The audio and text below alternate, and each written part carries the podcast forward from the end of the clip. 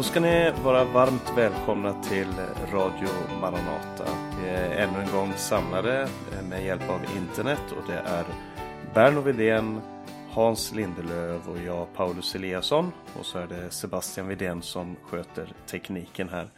Ehm, och vi är samlade här i, för att eh, samtala om eh, en bibeltext ifrån Lukas kapitel 4. Och det är speciellt med anledningen av att vi står inför ett nytt år och eh, inför eh, väldigt intressanta tider.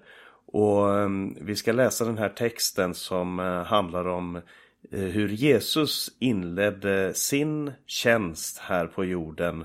I alla fall sin förkunnargärning. I Lukas kapitel 4 så har Jesus just eh, blivit frestad av djävulen i öknen, den här välkända historien. Och sen så står det ifrån vers 14 och vi läser Lukas 4, vers 14 till 30. Där står det i andens kraft återvände Jesus till Galileen och ryktet om honom gick ut i hela området. Han undervisade i deras synagogor och fick lovord av alla. Så kom han till Nasaret där han hade vuxit upp. Eh, på sabbaten gick han som han brukade till synagogan. Han reste sig för att läsa ur skriften och man räckte honom profeten Jesajas bokrulle. När han öppnade bokrullen fann han stället där det stod skrivet Herrens ande är över mig, för han har smort mig till att förkunna glädjens budskap för de fattiga. Han har sänt mig att utropa frihet för de fångna och syn för de blinda, att ge de förtryckta frihet och förkunna ett nådens år från Herren. Sedan rullade han ihop bokrullen, räckte den till tjänaren och satte sig. Alla i synagogan hade sina ögon fästa på honom. Då började han tala till dem. Idag har det här stället i skriften gått i uppfyllelse inför er som lyssnar. Alla berömde honom och förundrades över de nådens ord som kom från hans mun. De frågade, är det inte Josefs son? Då sa han till dem, säkert kommer ni att citera ordspråket för mig, läkare, bota dig själv. Vi har hört om allt som hände i Kapernaum, gör det här i din hemstad också. Men han fortsatte, jag säger er sanningen, ingen profet blir erkänd i sin hemstad. I sanning säger jag er, det, finns många, det fanns många änkor i Israel på Elias tid, när himlen var stängd i tre år och sex månader och svår svält drabbade hela landet. Men Elia blev inte sänd till någon av dem, utan bara till en änka i Sarfat i Sidons land. Och det fanns många spetälska i Israel på profeten Elisas tid, men ingen av dem blev renad, utan bara syrien Naman. Alla i synagogan fylldes av vrede när de fick höra detta. De reste sig och drev ut honom ur staden och förde honom fram till branten av det berg där deras stad var byggd för att kasta ner honom. Men han gick rakt igenom folkhopen och vandrade vidare. Det här är textsammanhanget som vi ska tala om idag. Och um, kanske du vill börja Hans och berätta lite om bakgrunden till det som sker här. För att Jesus kom ju just uh, ifrån eh, den här frestelsen som han hade fått uppleva. Och vad, vad, är det, vad ger det för bild inför den här texten? Ja, det, det var ju en väldig kamp. Då Jesus var i öknen i 40 dagar och 40 nätter och blev frestad av djävulen under hela denna tid. Vem kan fatta, vem kan sätta sig in i det? Jag tror inte vi kan det bara. Men det, det, det var ju alltså, det tillhörde ju hans förberedelse. Och så kommer han till Nasaret då. Han var född och uppvuxen. Han bodde inte i Nasaret för närvarande, men han var född och uppvuxen i Nasaret. Och det är klart att eh, det var nog, nog, nog, lite speciellt då. De kände honom där, de visste vem han var. Mm. Och eh, Bern, vad säger du om, om inledningen här till den här texten? Han undervisade i synagogorna och han kom till Nasaret där han hade vuxit upp. Gick till synagogan på sabbaten och reste sig för att läsa ur skriften. Mm. Han var ju välkänd där förstår man i Nasaret. Och det, det, är väl, det är väl lite det här att han började på den plats där han var uppväxt. För det här är ju inledningen på Jesu tjänst här på jorden då, då han börjar uppträda offentligt. Och det, det som slår mig i, i hans första ja, eh, budskap då. Det här att han läser från profeten Jesajas. Det, det är att det budskap han ger här, det är ju det som på ett sätt sammanfattar både Gamla Testamentets budskap om rättfärdighet och sedan hela Nya Testamentets budskap om rättfärdighet, men kanske framförallt om Guds nåd och hur Jesus själv då förkroppsligar detta budskap. När han säger att det är idag som ni ser detta eh, gå i uppfyllelse inför era ögon. Mm. Jag tänker på, han, han börjar med att eh, det står att han, man räckte honom profeten Jesajas bokrulle och när han öppnade rullen så fann han stället där det så skrivet. Det, det visar att Jesus har en, har en intention när han läser skriften. Han, han, eh, det grekiska ordet här för att finna, det, det handlar om att finna efter en stunds letande. Eller att man har, man har letat efter någonting. Det här, det här var en text som han inte bara slumpvis kom över. Utan som han aktivt var ute efter. Det här var någonting som, som Jesus verkligen ville eh, förmedla. Och, och, och, det är en slags, eh, eh ett slags öppningstal. I de olika evangelierna så, så börjar Jesus på lite olika sätt. Och det, det sätter sin prägel på hur det här evangeliet eh, presenterar Jesus. Och Lukas evangelium är kanske framförallt det där Jesus har ett väldigt fokus på de utsatta i samhället. Det finns i de andra evangelierna, absolut.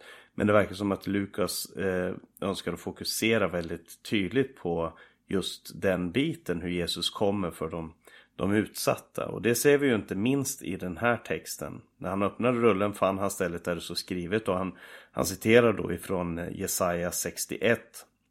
Herrens ande är över mig, han har smort mig till att förkunna glädjens budskap för de fattiga. Alltså det, för, det första är att han har en smörjelse eh, och, och det, det, är ju kopplat till, till eh, det hebreiska ordet Messias eller det grekiska ordet Kristus. Alltså att vara smord för en tjänst, att vara insatt för en tjänst.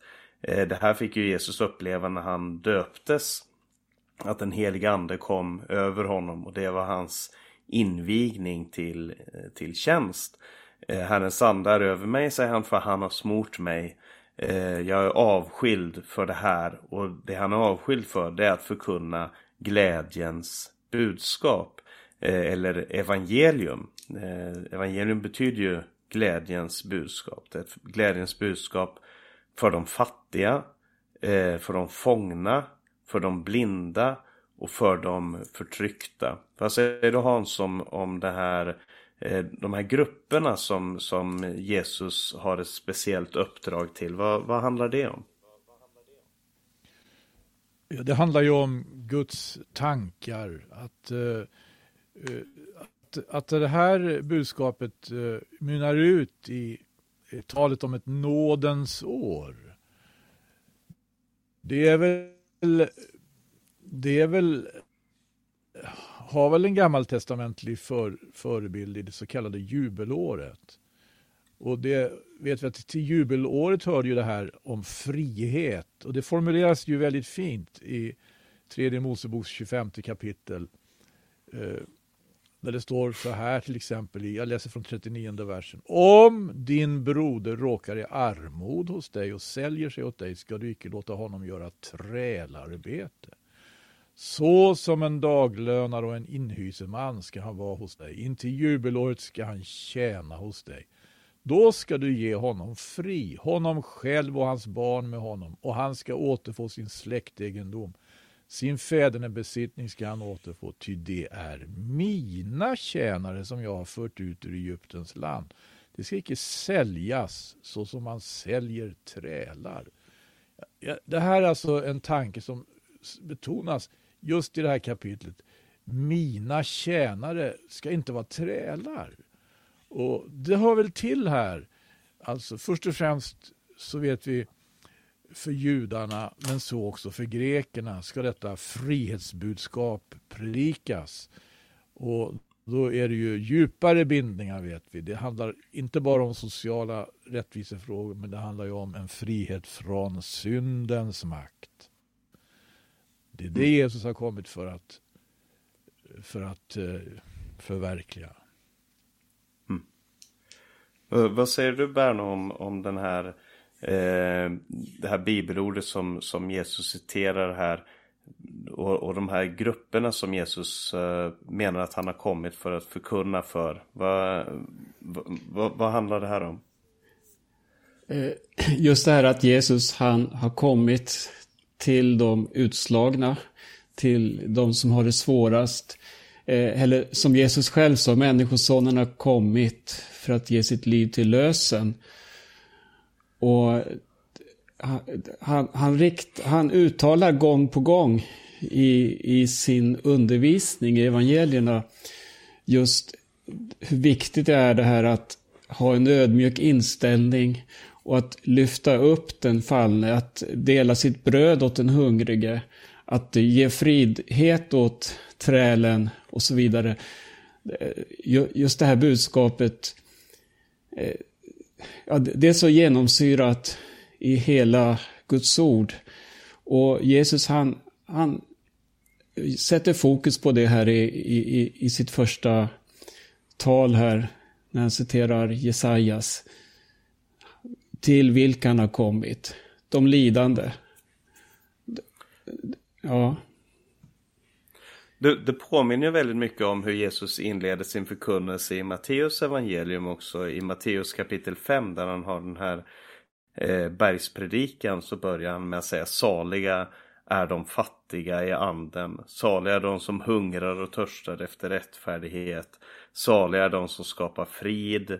Eh, saliga är de ödmjuka eller de saktmodiga och så vidare. Han använder de här olika Eh, grupperna av människor och talar om dem som saliga. Eh, just därför att de är mottagare av evangeliet. Och man får ju säga att Jesus på så otroligt många sätt också identifierar sig med de här människorna. De fattiga, de fångna, de förtryckta. Han kom, eh, vi, har ju, vi är ju just nu i, i juletider. Eh, vi har eh, nyligen gått igenom julhelgen och, och adventstiderna och påmint oss om om julens budskap och där, jag menar när Jesus kom så kom han fattig. Han kom ringa, han kom till en fattig familj. Eh, han kom som en flykting, han måste vara tvungen att fly till Egypten. Han levde eh, som, en, som en enkel arbetare. Eh, allt i hans attityd, i hans framställning är, är en fattig mans eh, eh, attityd och en fattig mans livsstil. Eh, och han, så det, det är någonting med hur Gud själv eh, identifierar sig med de här utslagna. Hur Gud själv identifierar sig med människans lidande och det ser vi både i krubban eh, under Jesu liv och då han hänger på korset. Hur, hur Gud själv utstår det lidande som, som man skulle tycka är helt otroligt, helt otänkbart. Att Guds egen son eh, och Gud själv skulle uppleva att att eh, gå in under det här lidandet. Och det, det, det tycker jag är så stort för att det, det handlar inte bara om en, en gud som sträcker ner en hand ifrån himmelen eh, Eh, för att hjälpa människorna utan en gud som, som identifierar sig med människans eget lidande. Herrens ande över mig, han har smort mig till att förkunna glädjens budskap för de fattiga genom att han blev fattig. Eh, frihet för de fångna, syn för de blinda och genom förtryckta frihet. Eh, genom att han själv identifierade sig, genom att han rörde vid de här människorna. Han var närvarande i deras liv. Eh, och precis som du sa Hans så tror jag att det här också är väldigt knutet till eh, den frihet och återlösning som det står om i Gamla Testamentet att man skulle få uppleva på under jubelåret. Och jag läste nyligen den här salmen som ju eh, som talar om som säger så här Saligt är det folk som vet vad jubel är. Ehm, I ditt ansiktes lys herre ska de få vandra. Och det här uttrycket jubel det är ju detsamma som används för trumpet eh, och som talas om när, när det femtionde året inleddes, det här som kallades för jubelåret, så blåste man i trumpeter och utropade ett, ett nådens år ifrån Herren.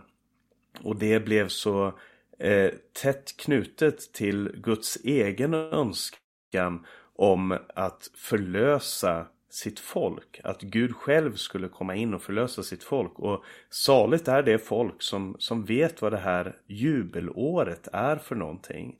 Att förkunna ett nådens år ifrån Herren. Och så tycker jag det är intressant, jag vet inte om du Hans kanske har gjort dig några tankar om det att när, när Jesus eh, avslutar så avslutar han ju mitt i en, i en vers. Förkunna ett nådens år från Herren. Men den här versen fortsätter ju med med och en hämndens dag ifrån vår Gud. Vad, vad, tror du är anledningen att Jesus stannar här mitt i, i versen? Ja, det kan man verkligen fundera på. Eh, det, det, är ju helt tydligt alltså att Jesus eh, stannar inför eh, uttrycket vredens dag. Han tar inte med det här, fast det ingår liksom i samma mening. I profetens Jesajas budskap. Nej, han betonar nådens, nådens år, inte vredens dag. Och då får man faktiskt fundera lite grann på hela det här frälsningshistoriska perspektivet. Ja, det är ju sant det. Att Jesus har kommit. Eh, han eh, som var full av nåd och sanning. För att predika ett nådens år. Att betona Guds nåd och Guds barmhärtighet för människor i en värld som hade alltså eh, avvikit, fallit från Gud och därför drabbats av Guds vrede. Men han kommer, medlaren mellan Gud och människor och, och går emellan här. Det betyder inte att det inte ska komma en vredens dag. Det finns nog anledning också att tänka på profeten Daniels profetia som liksom har just det här som man brukar kalla för en parentes. Det talas om eh, 69 veckor som ska följas av en vecka. Det blir 70 veckor tillsammans. Men mellan de 69 veckorna eh, som leder fram till Kristi uppenbarelse första gången då han kom i människogestalt till den sista veckan är, menar finns det bibelläsare som menar, bibeltolkare, att det är ett väldigt gap. Och det har att göra med alltså nådens tidshushållning, församlingens tidsålder, till dess att Herren kommer och det som det heter i, i, i första Thessalonikerbrevets fjärde kapitel, vi ska ryckas bort på skyar honom till mötes. Och då kommer vredens dag. Ja, det här eh, finns nog skäl att fundera på därför, varför Jesus stannade upp här och varför han inte tog med vredens dag den här gången. Mm. Vad säger du eh, Berno om, om den här, ja. eh, de här orden? Jo, eh, det, det där har jag funderat på flera gånger. Och jag tror att det har en väldigt stor betydelse. Just att Jesus stannar med att förkunna ett nådens år från Herren. Och fortsättningen handlar om en hämndens dag från vår Gud. Och ska vi se, vart hade jag någonstans? Och en dag då han ska trösta alla sörjande. Eh, vi lever ju i nådens tid. Och ända sedan den tid då Jesus trädde in i världen så, så, så, så, lever vi i denna nådens tid och det kommer vi att göra så länge det heter idag är frälsningens dag. Så har vi ett nådens budskap att förkunna. Eh, en, en, en tanke som jag eh, kopplar ihop det här med, det, det, är, eh, det, det är en tolkning bland många, ska jag medge, när, när, i Uppenbarelseboken. För där, där står det om de här fyra hästarna och de fyra ryttarna. Och den ena avlöser den andra och de, de beskriver på, på ett målande sätt tillståndet på jorden. Hur, hur evangelium går ut, hur krig härjar, pesten härjar, döden får mer och mer välde över människorna. Och sen efter den här tiden eh, så kommer ett, det femte inseglet som bryts. Och då får man se hur, hur eh, under altaret så fanns då människors själar som hade blivit slaktade för Guds ords skull. Och för det vittnesbörds skull som de hade. Och de ropade med hög röst och sa, hur länge du helige och sannfärdige Herre, skall du dröja att hålla dom och att utkräva vårt blod av jordens inbyggare? Och de här fick sig givet då en vit fotsid klädnad. Men så fick de höra att eh, tiden var ännu inte kommen. Utan det var fortfarande eh, en skara som skulle bli fulltalig och det var saker som skulle bli färdigt i Guds frälsningsplan. Men sen, hämndens dag handlar det om. Och här i Jesajas, eh, som fortsätter då där Jesus stannade, så står det just om denna hämndens dag från vår Gud. Alltså det är något som hör framtiden till, då församlingen har fullgjort sitt uppdrag här i tiden, att förkunna nådens budskap, precis som Jesus eh, presenterade det här i Nasaret den här dagen. Mm. Ja, för man får ju verkligen säga att det här är eh, så som Jesus förkunnar det här, det är evangeliet, det som vi har att förkunna. Att eh, Gud har smort eh, Eh, Jesus Kristus till att förkunna det här budskapet och, och, han har också kallat sina lärjungar att förkunna det idag. Och vi har fortfarande ett nådens år att förkunna ifrån Herren. Nu står vi inför randen till eh, 2022 och eh, Eh, det är fortfarande, prisat vare Gud, ett nådens år ifrån Herren. En möjlighet för människor att få uppleva det här. Och Jesus sa den dagen så sa han Idag har det här stället i skriften gått i uppfyllelse inför er som lyssnar. Mm. Och i och med Jesus så är det väldigt mycket Alltså alla Guds löften får sin uppfyllelse i Jesus. Allting är uppfyllt i Jesus Kristus. Men när man läser evangelierna så är det väldigt speciellt att se det här att gång på gång så kommer Jesus tillbaka till vilket fantastiskt profetiskt skeende som de befinner sig i. I, ursäkta, I Lukas kapitel 10 så, så, så vänder sig Jesus om till sina lärjungar och säger Saliga är de ögon som ser vad ni ser. Jag säger er, många profeter och kungar ville se vad ni ser men fick inte se det och höra vad ni hör men fick inte höra det. Det är Eh, det handlar om att Jesus är uppfyllelsen av Gamla Testamentets profetior. Eh, när Jesus samtalar med kvinnan ifrån, ifrån eh, Samaria vid Sykars brunn så säger hon att jag vet att Messias ska komma, han som kallas Kristus. Jag vet att kungen ska komma, han som ska härska. När han kommer ska han berätta allt för oss och Jesus säger det är jag, den som talar med dig.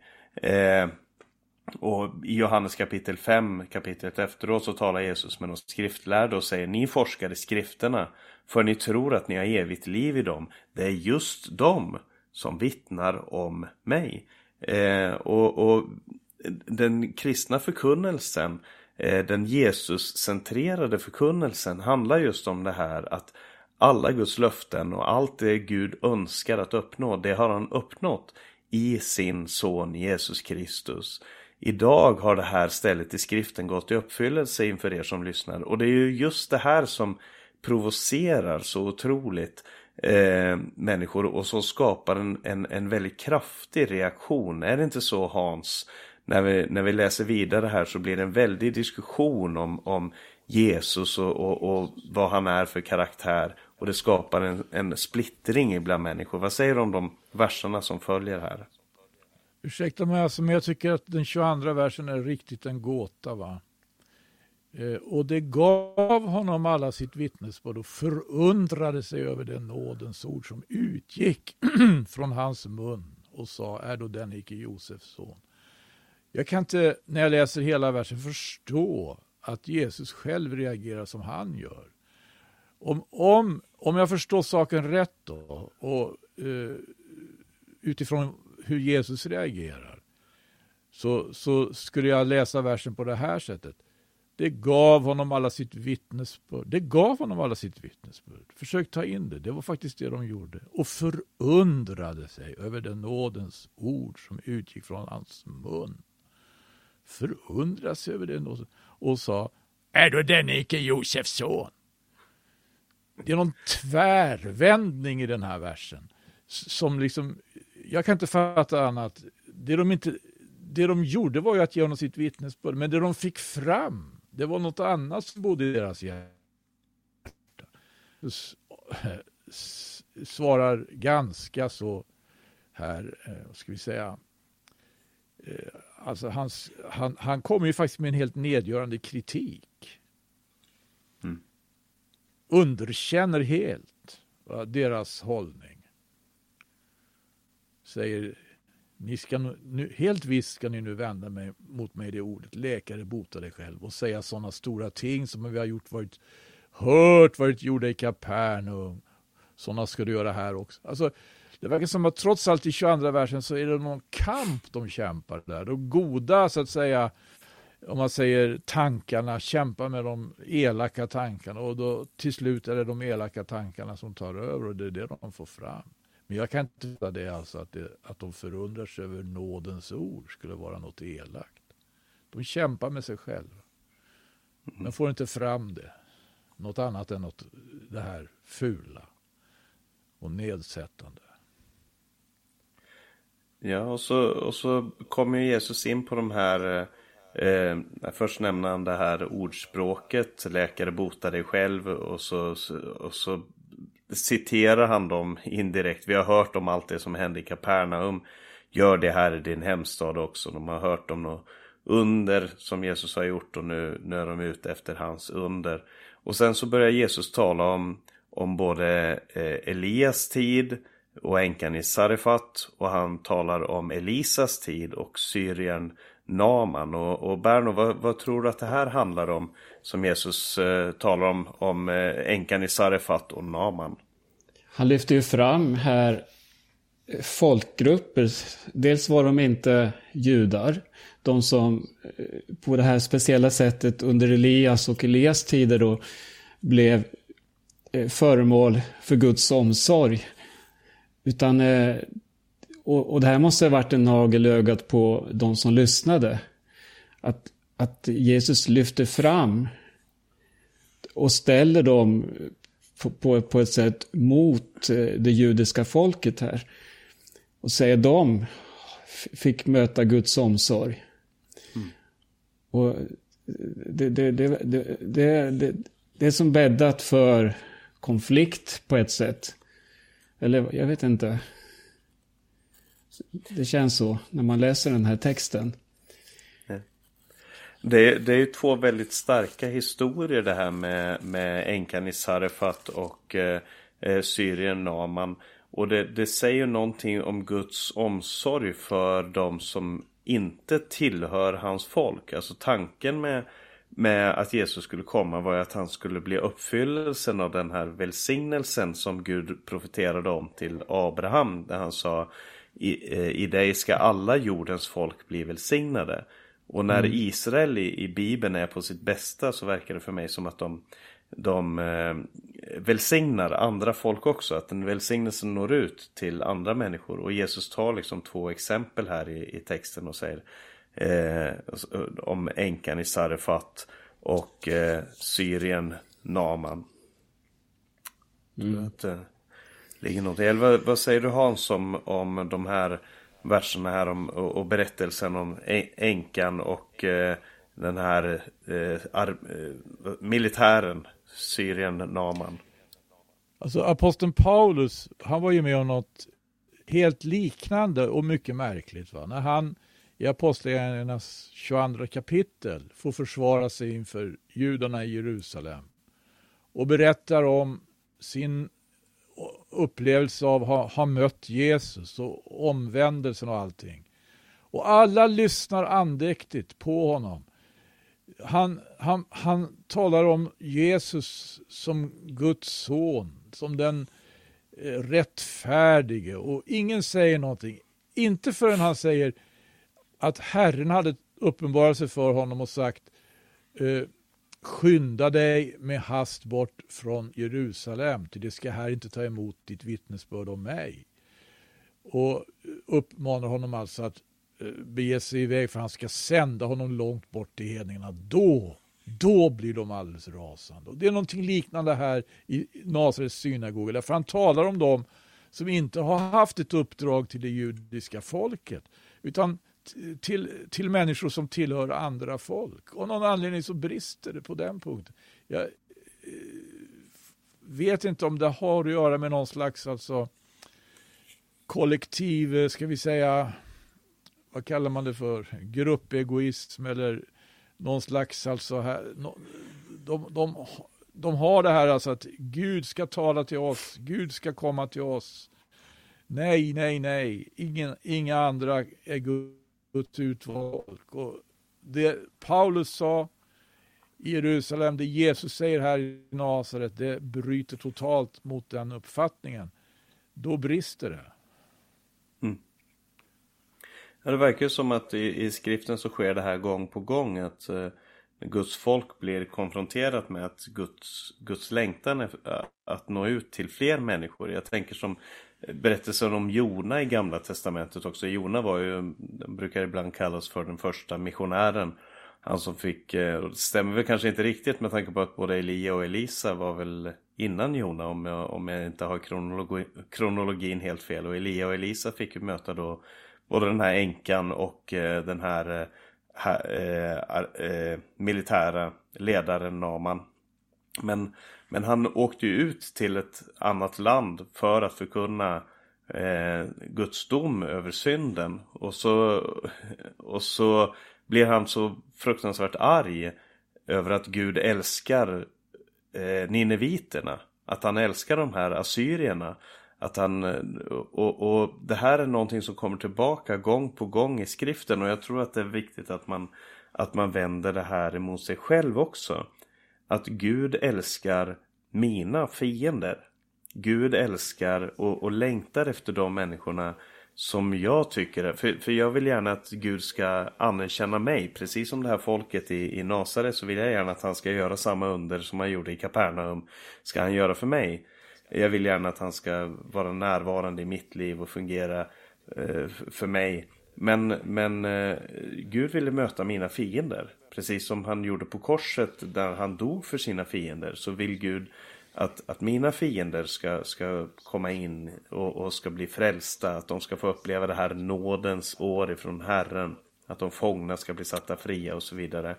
Och, och när, när Jesus talar om de där sakerna så är det så otroligt provocerande. Det känner jag för, för min egen del också. Att Gud vill att jag ska älska eh, min nästa som mig själv och så utvidgar han det här begreppet min nästa ända tills jag blir väldigt, väldigt obekväm med vem min nästa faktiskt är. Och... Herren säger, ja. genom Malaki så säger ju Herren, Malaki får ju det här budskapet, Herren är stor utöver Israels gränser. Det var det ordet som Christer Pettersson citerade offentligt i tv-kamerorna när han hade blivit frikänd i hovrätten. Och det må vara en parentes, men det står ju så i Malaki. Herren är stor ut över Israels gräns. Ja, ja precis. Mm. Vad säger du Berno? Ja, Eh, jag tänker på eh, de första orden här när Jesus öppnade bokrullen. Herrens ande är över mig, han har smort mig.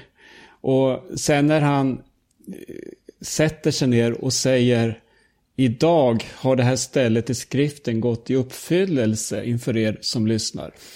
Jag tänker på folket som fanns där. De, må, många tänkte ju på förtrycket som, eh, som det romerska imperiet och som man levde under förtryck. Hela nationen var förslavad.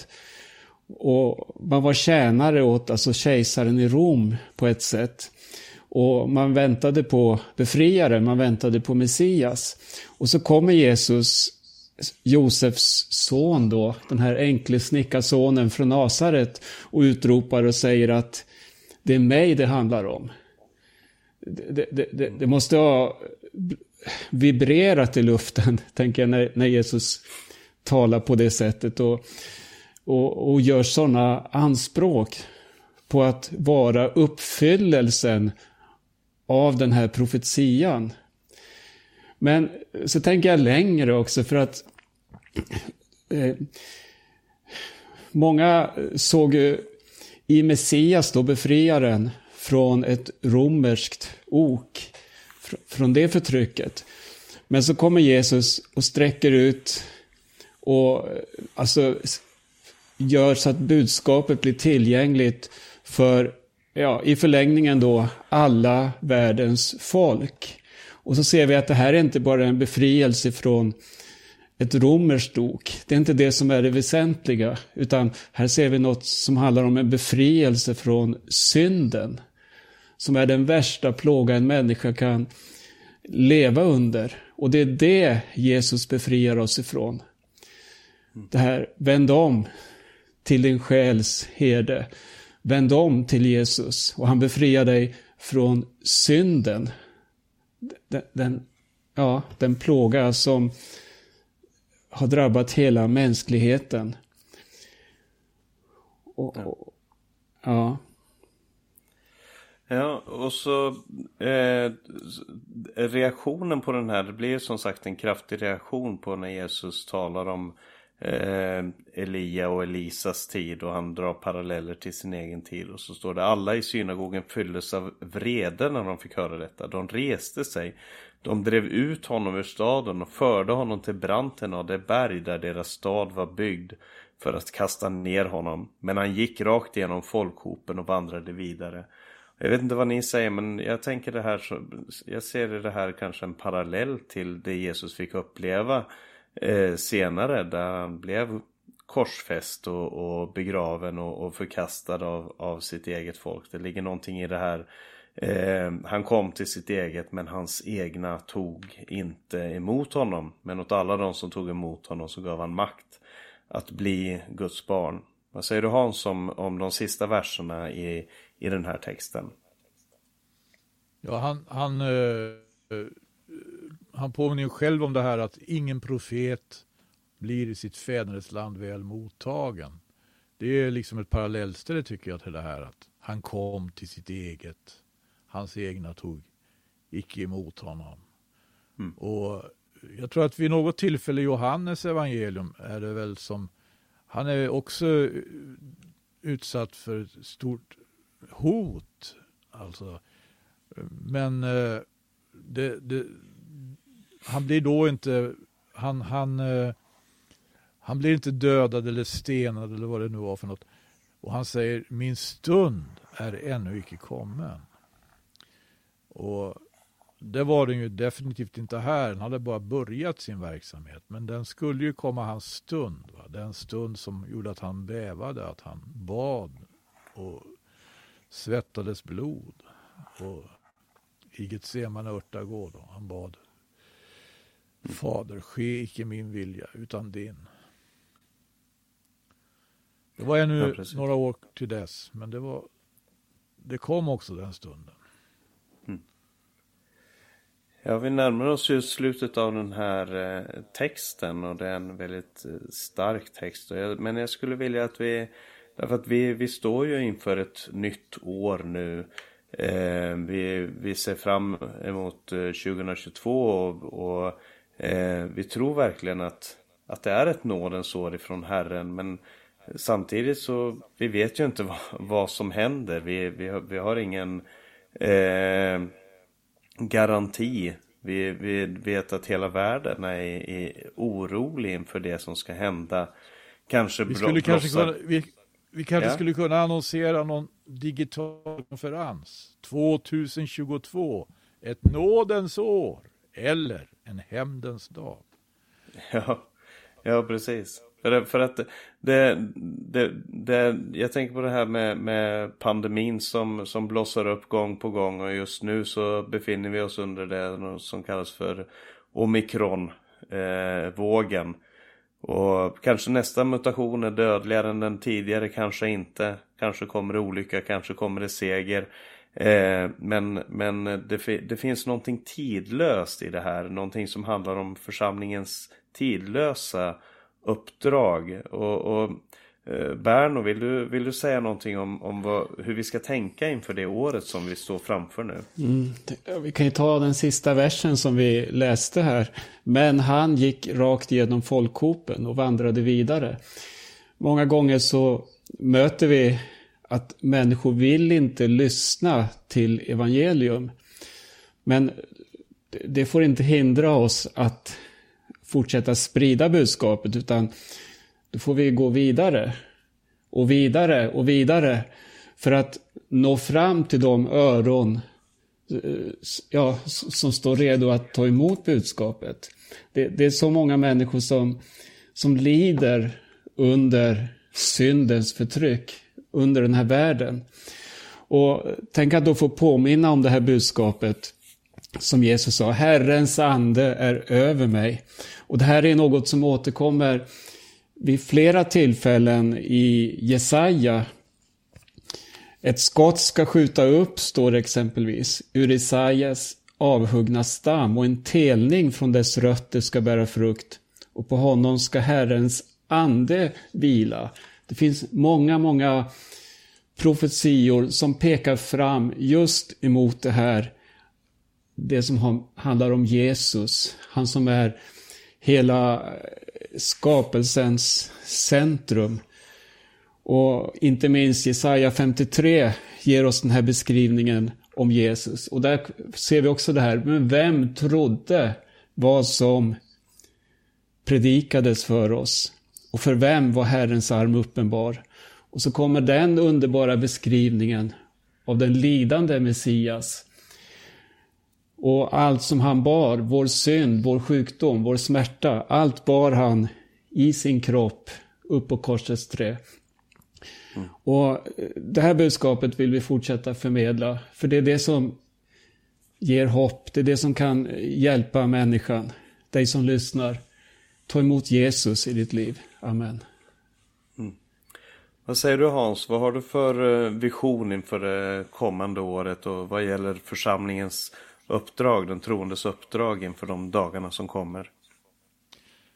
Jag tror att vi får låta Berno stå för det eh, perspektivet. Jag tyckte det var, finns inget att invända mot det. Jag skulle vilja bara tänka på vad som har varit lite grann och uttrycka min tacksamhet för de radioprogram vi har kunnat göra här under höst med både bergspredikan och sändebreven och nu också det här Lukas evangeliets fjärde kapitel. Det är verkligen det är verkligen texter, det är verkligen levande realiteter. Det är Jesus Kristus och vi vill ge Gud äran genom honom.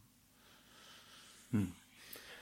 Ja, vi får verkligen eh, rikta vårt stora tack till eh, Radio Maranatas eh, lyssnare och, och, jag får också uttrycka min tacksamhet för eh, de här rörprogrammen som vi haft möjligheten att, att ha tillsammans där vi har fokuserat på bibeltexten och gått in i, i texten så som det står och, och eh, försökt att applicera det också på vår tid.